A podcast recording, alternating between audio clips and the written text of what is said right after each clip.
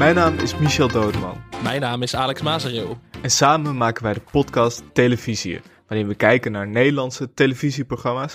En ook uh, deze week hebben we weer een paar televisietips, speciaal voor mensen die nooit naar televisie kijken.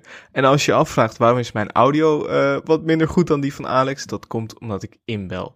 Um, Alex, ja, uh, zondag de laatste aflevering van Lago di Bo. Ik mis het nu al, moet ik zeggen. Het is toch, uh, hè, dit is toch uh, het antwoord van Bo van Ervedoris op Villa Velderhof. Uh, de niet zo subtiele follow-up zou je het kunnen noemen. Maar ik heb er mm. toch wel van genoten hoor. Bo van Ervedoris aan het Como meer die iconische gasten ontvangt. Ja, Tel Bekkant, Maan. Claudia de Brij, Ruud de Wild, Nick Schilder. Het was een iconisch deelnemersveld. Maar dit weekend belooft wel echt heel veel goeds. Ernst Kuipers en Edcilia Romley hele vreemde combinatie. Ja. Uh, dit is denk ik ook opgenomen voordat Ernst Kuipers minister werd. Neem ik aan. Ik denk niet dat hij in zijn eerste week uh, naar het Como-meer is getogen met Boven Ervendorens. Dus ik vraag me wel of, of dit niet heel erg achterhaald is. Of ze nog veel erin hebben moeten knippen.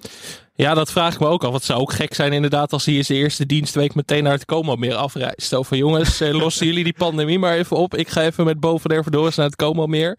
Maar ik ben heel benieuwd. Misschien dat het de hele aflevering over chocolade zal gaan. Natuurlijk uh, dat zou kunnen. gepresenteerd door Edcilia Rombly. Ik ben ook heel benieuwd of het nog over chocolade zal gaan in die aflevering. Of dat dat wordt doodgezwegen.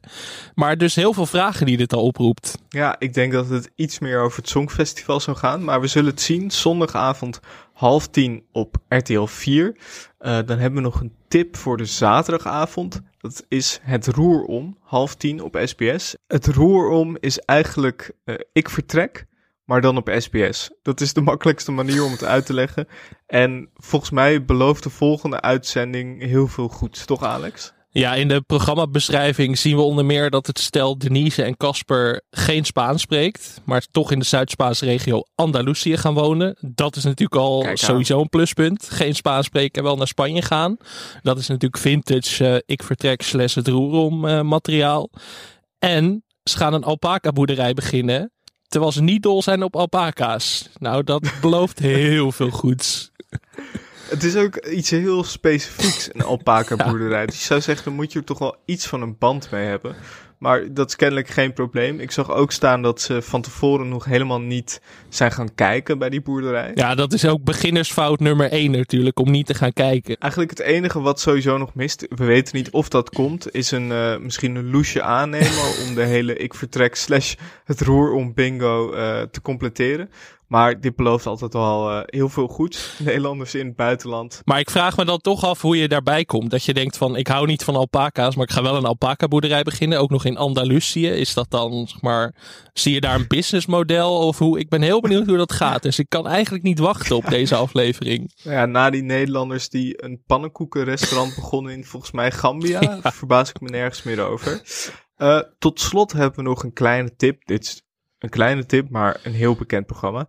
De slimste mens heeft aanstaande vrijdag, tien over half negen op NPO 1, de grote finale. Alex, uh, toch even jouw mening. Wie gaat er winnen? Ja, Jacob Derwig stroomt natuurlijk pas in in de laatste aflevering, omdat hij gewoon elke dag bijna de slimste was dat, dan zou het me teleurstellen als hij nu niet zou winnen. Dat zou natuurlijk wel echt gênant zijn bijna. Het is altijd makkelijk om vanaf de zijlijn te roepen natuurlijk. Maar nee, ik, ik zet al mijn aandelen in op Jacob Derwig. Ja, ik heb van tevoren um, voorspeld dat de finale Derwig tegen Heine zou worden. Jacob Derwig tegen Frank Heine.